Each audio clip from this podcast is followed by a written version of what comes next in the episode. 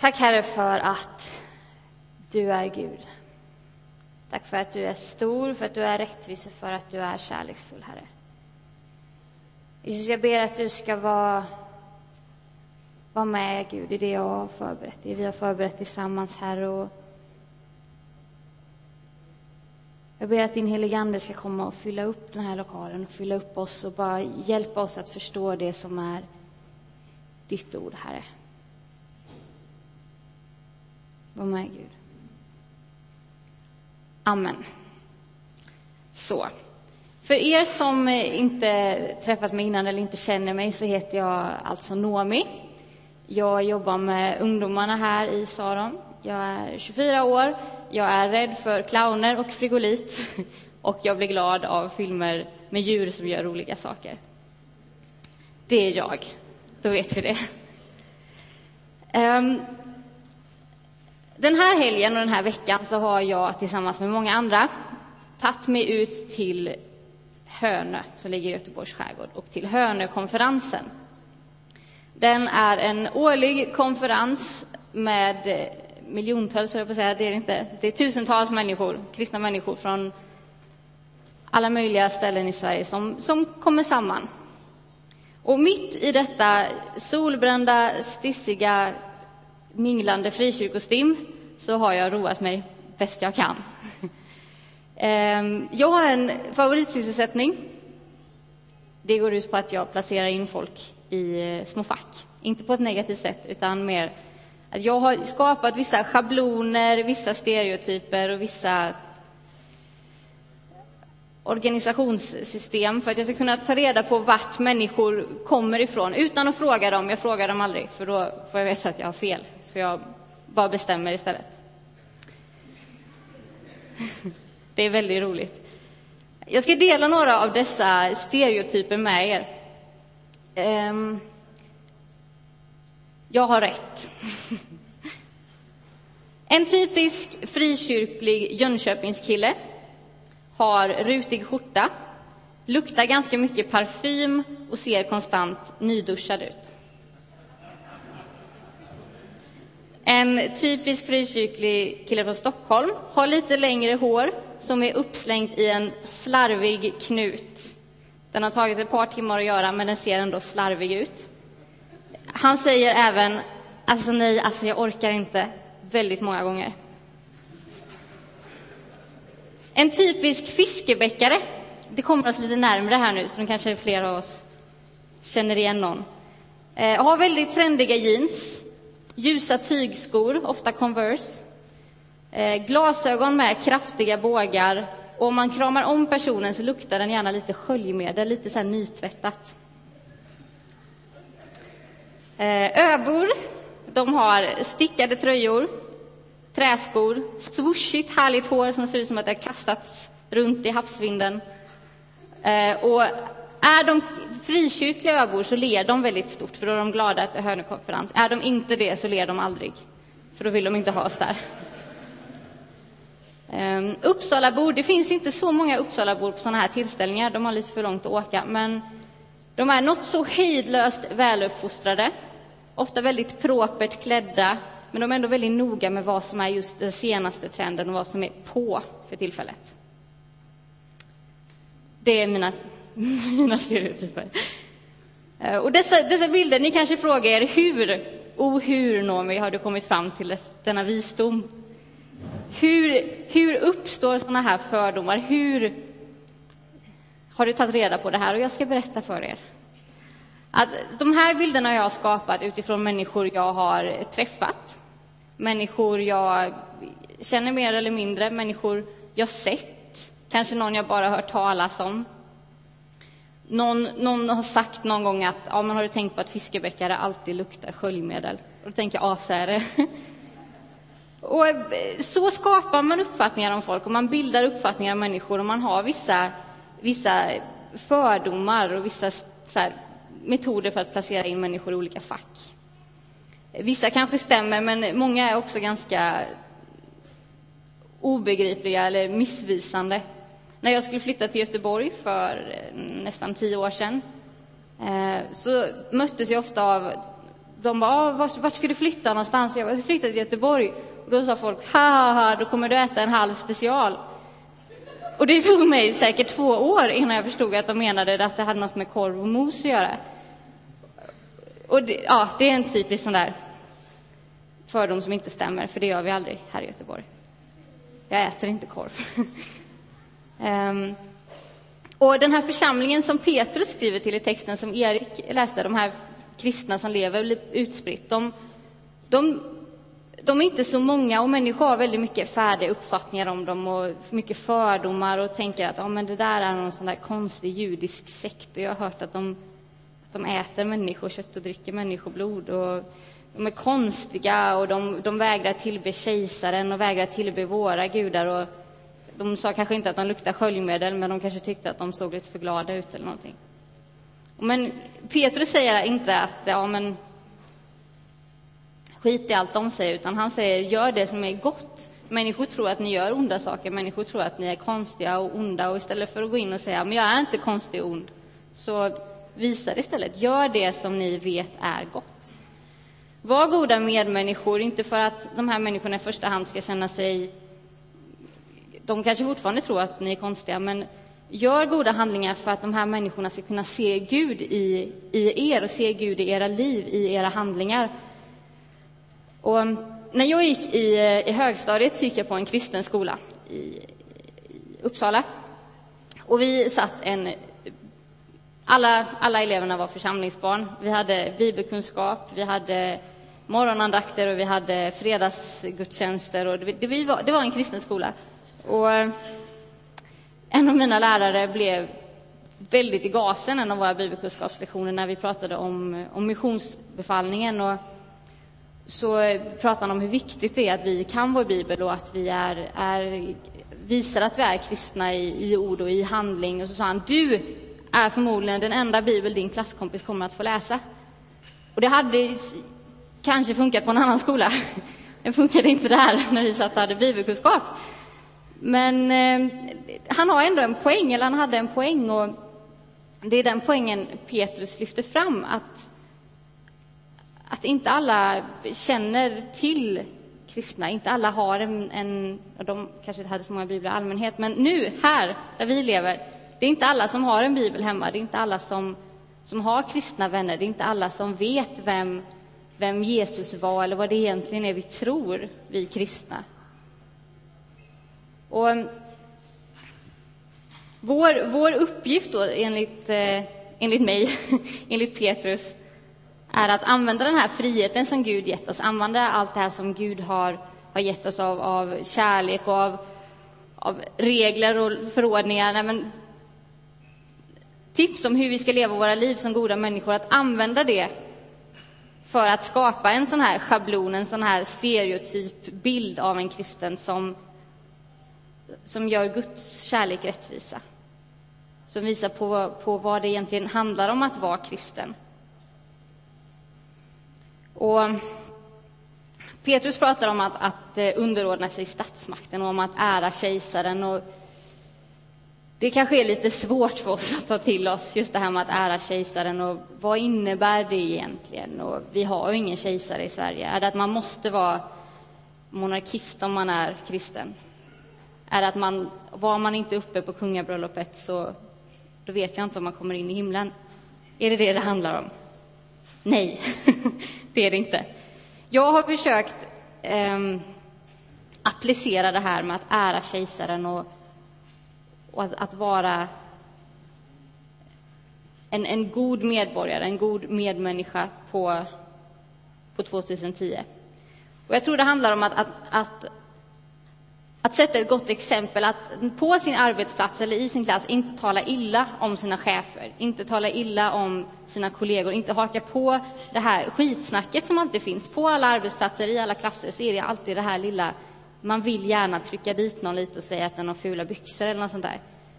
Och inte säga det till den då, gud nej, utan säga det bakom dens rygg. Och att som kristen då kanske inte behöver ställa till en scen och vara så här, hur kan du säga något sånt? Utan bara säga, nej men jag vill inte vara med på det här snacket. Jag, jag vill inte vara, vara en sån som snackar skit. Det handlar om att vara laglydig, att, att inte skattefiffla, att inte stjäla, att, att inte ljuga. Det finns någon föreställning om att det, att det finns något som heter vita lögner och att det finns halvsanningar. Det finns inte, det finns sanning och det finns lugn. Och det står i Bibeln att, att sanningen är det som ska göra oss fria. Och lever vi ett liv där vi småljuger lite här och var och där vi inte vågar vara ärliga så kommer det komma ifatt oss förr eller senare. Och då kommer vi behöva stå där till svars för alla våra lögner och det är inte roligt. Ljug inte. Var trofast. Håll det du lovar. Lova inget du inte kan hålla. Gå inte bakom ryggen på, på kollegor eller på vänner eller på ens, ens barn eller syskon eller ens respektive eller vad det må vara. Klättra inte på andra för att nå dit du själv vill i din karriär. Och så här i valtider, sitt inte bara att vara upprörd och arg över att eh, alla tycks rösta fel, utan att du vet vart man ska rösta, oavsett om det är höger eller vänster eller någonstans där mittemellan. Sitt inte bara och tyck. Sitt inte bara och tyck att nu är det fel personer som styr det här landet, eller nu har alla valt fel utom jag. Utan be för dem som styr vårt land, be för våra politiker, be för vår regering. Be om Guds ledning i, i viktiga beslut som ska tas. Oavsett om du röstade på människan eller inte, så, så be om Guds välsignelse och Guds ledning för dem. Så. Svettas ni? Gör inte det. Um, i, I det här, vi, Gud, Gud känner oss. Vi ska sträva efter att leva ett liv som speglar Gud. Vi ska sträva efter att, att, eh, att försöka återspegla den kärlek som Gud har gett oss. Att försöka ge ut den till människor, försöka vara goda medborgare, vara goda medmänniskor. Men Gud vet också att, att, eh, att vi är ganska kassa. Gud vet att jag kommer förr eller senare att, att lacka ur. Han vet mina svagheter, han vet att jag rätt som det är kommer att såra någon i min omgivning. Han vet att jag kommer att eh, förmodligen kanske till och med svära åt min granne när den inte tar bort luddet ur torktumlaren. Han vet, han känner oss, han vet att vi inte alltid kan, kan vara de här människorna som bara strålar och lyser av honom 24-7. Och han är inte arg för det. Gud, Gud vet oss, Gud känner oss, Gud ser vår strävan. Att det som Petrus skriver om i början, om att, att man ska akta sig för köttets begär. Kommer ni ihåg att Erik läste det? Han skriver, mina kära, akta er för köttets begär.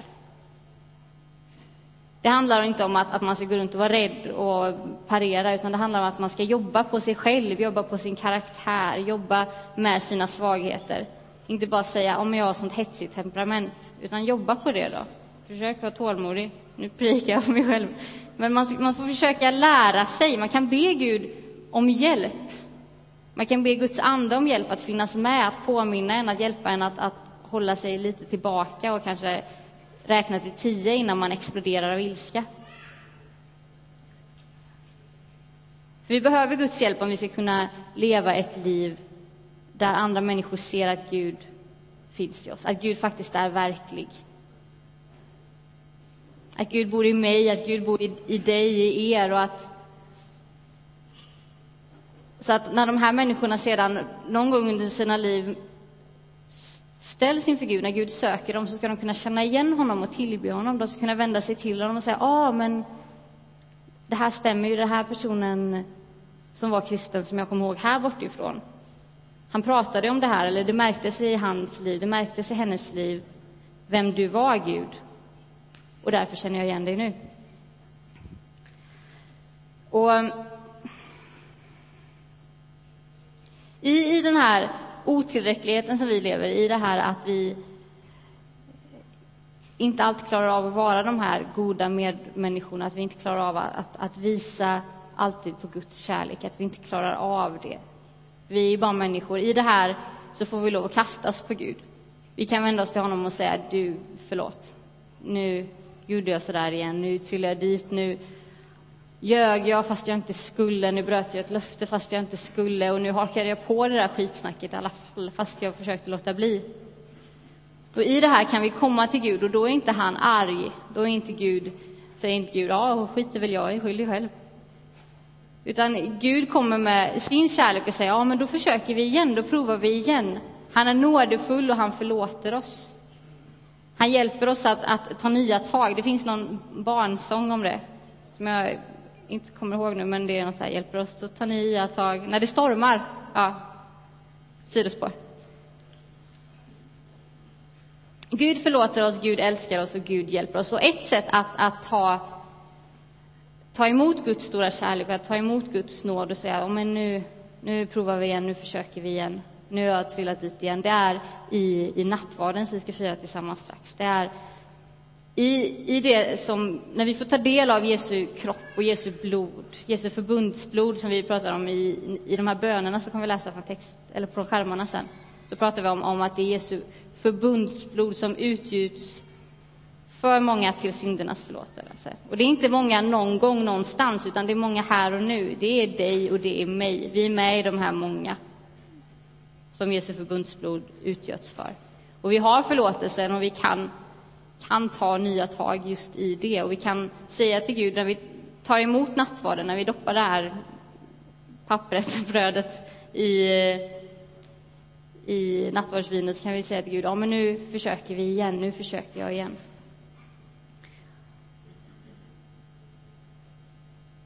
När man ska förändra ett beteende eller när man ska lägga av med en ovana så är det väldigt svårt om man står själv och ska göra det. Om man ska börja träna, jag vet inte hur många gånger jag säger till mig själv när jag går och lägger mig och bara Noomi, imorgon så går du ut och springer och tar nya tag. Och jag gör faktiskt aldrig det. Någonsin. Jag är, ingen, jag är ingen som jag står till svars för annat än mig själv och då är det så himla lätt att bara Du var bara trött igår Noomi när du sa det. Du visste inte vad du pratade om. Tänk vad härligt det skulle vara titta på tv istället. Och så gör jag det istället. För jag har ingen annan människa som säger till mig nej, gå ut och Eller jo, det har jag när det gäller träning, men det gör jag inte ändå. Men om man ska sluta äta godis eller om man ska lägga av med en ovana så behöver man någon annan att stå till svars inför. Så är det faktiskt. Och därför har vi varandra. Vi har församlingen, vi har vänner, vi har syskon, vi har bekanta. Ni kan få komma till mig här och säga nu behöver jag att du håller mig till svars för det här. Fråga mig nästa söndag hur går det nu med det här så kan jag göra det. Och då blir det så vansinnigt mycket jobbigare att inte gå ut och springa än att gå ut och springa, för då måste man stå till svars inför någon. Så ta vara på det, ta vara på det de människor som finns i din omgivning, den här, den här familjen som vi är. Oavsett om, om du är troende eller inte så, så har vi ovanor i våra liv och vi har vi alla mår bättre av att sträva efter att leva ett gott liv, att leva som goda människor. Det är ingenting som är exklusivt bara för kristna, att vi vill vara goda människor, utan det vill ju alla människor borde alla människor vilja. Sträva efter att vara goda människor. Så oavsett om du är här och du tror eller inte tror så hugg tag i någon och be dem hålla dig till svars. Så att du jobbar på din karaktär. Så att vi jobbar tillsammans på vår karaktär. För gör vi det, lyckas vi vara goda människor, lyckas vi försöka vara goda människor, så kommer våra liv visa på Gud. Våra liv kommer visa på Guds kärlek. Människor kommer se på oss och de kommer se att det är någonting som, som är speciellt. De kanske inte tänker att åh, jag undrar vad det är, det kanske är Gud. Utan de kanske bara tänker det här är en fantastiskt fin människa. Och det är en kristen. Det är sådana kristna är. Kristna är fantastiskt fina människor på samma sätt som fiskebäckare luktar sköljmedel. Så. Vi, vi ska alldeles strax gå in i nattvarden, men vi be tillsammans med mig. Herre, jag tackar dig för din nåd, Gud. Jag tackar dig för att du känner oss och du vet att vi allt som ofta hjälper till att skapa uppfattningar om kristna som, som inte gör din kärlek rättvisa, Gud. Förlåt mig för det, Gud. Förlåt oss för det, Gud. Herre, jag ber att du ska hjälpa oss, Gud. Hjälp oss att ta nya tag, Gud. Hjälp oss att eh, börja om, Gud. Att inte tänka, ja men nu är det kört, nu tror alla redan att jag är arg jämt eller att jag är sur. Utan hjälp oss att försöka ta nya tag, Gud.